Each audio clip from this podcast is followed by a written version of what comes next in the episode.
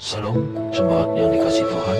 Hari ini kita kembali lagi mengikuti refleksi Gema. Sebelum kita memulai, mari kita bersama-sama membaca Alkitab sesuai teks dalam Gema dan membaca Gema hari ini. Tuhan memberkati. Shalom saudara-saudara yang terkasih, hari ini kembali kita akan merenungkan firman Tuhan bersama-sama, namun sebelumnya mari kita berdoa terlebih dahulu. Tuhan, terima kasih Tuhan atas berkat dan rahmatmu Tuhan pada hari ini ya Tuhan. Terima kasih atas nafas kehidupan yang baru yang kau berikan kepada kami. Saat ini kami datang uh, untuk mendengarkan sebagian dari firman-Mu ya Tuhan. Siapkan hati kami ya Tuhan agar firman yang kami dengar hari ini dapat menjadi sebuah penguatan baru Tuhan bagi kami ya Tuhan. Terima kasih Tuhan, di dalam nama Tuhan Yesus kami berdoa, amin.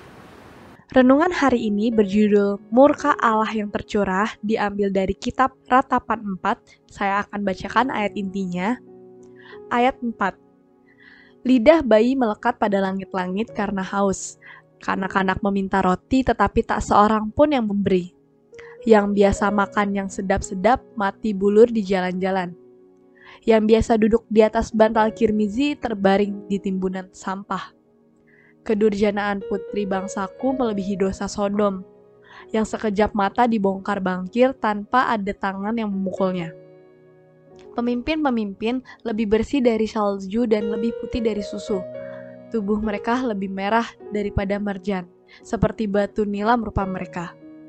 Sekarang rupa mereka lebih hitam daripada jelaga. Mereka tidak dikenal di jalan-jalan. Kulit mereka berkerut pada tulang-tulangnya, mengering seperti kayu lebih bahagia mereka yang gugur karena pedang daripada mereka yang tewas karena lapar. Yang merana dan mati sebab tak ada hasil ladang. Dengan tangan sendiri, wanita yang lemah lembut memasak anak-anak mereka untuk makanan mereka tatkala runtuh putri bangsaku. Tuhan melepaskan segenap amarahnya, mencurahkan murkanya yang menyala-nyala, dan menyalakan api di Sion yang memakan dasar-dasarnya. Tidak percaya raja-raja di bumi pun seluruh penduduk dunia bahwa lawan dan seteru dapat masuk ke dalam gapura-gapura Yerusalem.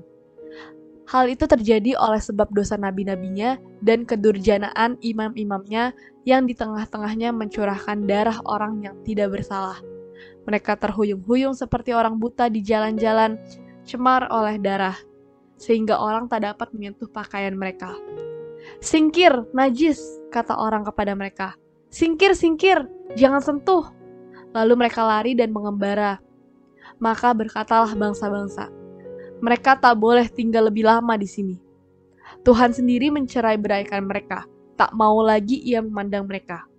Para imam tidak mereka hormati dan orang-orang tua tidak mereka kasihani. Selalu mata kami merindukan pertolongan, tetapi sia-sia. Dari menara penjagaan kami menanti-nantikan suatu bangsa yang tak dapat menolong. Mereka mengintai langkah-langkah kami, sehingga kami tak dapat berjalan di lapangan-lapangan kami. Akhir hidup kami mendekat, hari-hari kami sudah genap. Ya, akhir hidup kami sudah tiba. Yerusalem babak belur, mereka terluka parah. Inilah kondisi umat Tuhan yang tergambar di pasal 2 kitab ratapan.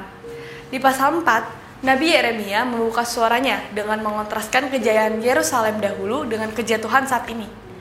Pasal 4 ini juga menegaskan peran para pemimpin umat, seperti para nabi, para imam, bahkan raja yang mengakibatkan umat Allah jatuh ke dalam dosa. Kejayaan yang digambarkan dengan emas kini terbuang dan telah berubah menjadi kumpulan tanah yang tidak berharga. Kelaparannya hebat, merajalela, menimpa seluruh rakyat Yerusalem. Bahkan kengerian akibat tidak adanya makanan memunculkan perlakuan yang sadis dan kejam, yaitu memakan anak-anak mereka yang tidak berdaya demi bertahan hidup. Dari orang-orang yang terpandang sampai rakyat biasa, semuanya mengalami keadaan yang amat menyedihkan karena Tuhan telah mencurahkan murkanya kepada umatnya. Semua yang terjadi kepada rakyat Yehuda telah melahap habis seluruh kemuliaan dan kemasyuran yang dahulu menjadi kebanggaan umat Allah. Kini mereka menjadi tontonan yang memalukan di hadapan bangsa-bangsa lain karena Allah tidak segan-segan menyatakan murkanya yang menyala-nyala. Hal ini tercantum pada ayat 1 sampai 11. Mengapa ini semua terjadi? Hal ini dinyatakan pada bagian kedua pasal ini yaitu ayat 12 sampai 20 yang mengulang kembali penyebab kejatuhan Sion, yakni bahwa para pemimpin telah menuntun umatnya kepada kejahatan. Para nabi hanya menyampaikan hal-hal yang enak didengar telinga. Para imam justru hidup dalam kebejatan untuk memuaskan diri sendiri. Raja melakukan sesuatu men- yang menurut kebenarannya sendiri. Tidak berhenti sampai di situ, umat yang dalam keadaan sengsara pun bukannya mengharap pertolongan Tuhan, tapi justru lebih memilih bersandar kepada kehebatan Babel dan Mesir. Sungguh merupakan kenyataan yang memilukan bila umat Allah sudah tidak lagi bergantung dan berharap kepada Tuhan. Dari renungan berikut saya mempunyai beberapa pertanyaan yang mungkin dapat kita renungkan bersama-sama. Yang pertama adalah bagaimana dengan saudara sebagai orang Kristen hari-hari ini? Bila saudara adalah pemimpin rohani dalam keluarga, ataupun di gereja, ataupun di tempat kerja, apakah saudara membawa orang-orang di sekitar lebih dekat kepada Tuhan? Atau justru malah sebaliknya, menjadi batu sandungan dan orang-orang malah semakin menjauh dari Tuhan? Mari kita sebagai umat Kristen, sebagai umat yang percaya kepada Tuhan, masing-masing bertanggung jawab di dalam hidup ini untuk menjadi saksi Tuhan. Mau itu dalam perbuatan, perkataan, ataupun apa pun yang kita kerjakan untuk orang-orang di sekitar kita. Bawa orang kenal Yesus Kristus dan mendapatkan keselamatan kekal dan makin banyak orang memiliki kehidupan yang baik seturut dengan perintah Tuhan. Untuk menutup renungan hari ini, mari kita berdoa. Tuhan, terima kasih atas firman Tuhan yang telah kami dengarkan. Ajari kami Tuhan untuk terus tetap menjadi saksi-Mu Tuhan untuk orang-orang di sekitar kami Tuhan. Sekarang kami akan melanjutkan aktivitas kami, berkati agar segala hal yang kami lakukan dapat memuliakan nama-Mu Tuhan dan memberkati orang-orang di sekitar kami. Terima kasih Tuhan, di dalam nama Tuhan Yesus Kristus kami telah berdoa dan mengucap syukur. Amin. Terima kasih, Tuhan Yesus memberkati.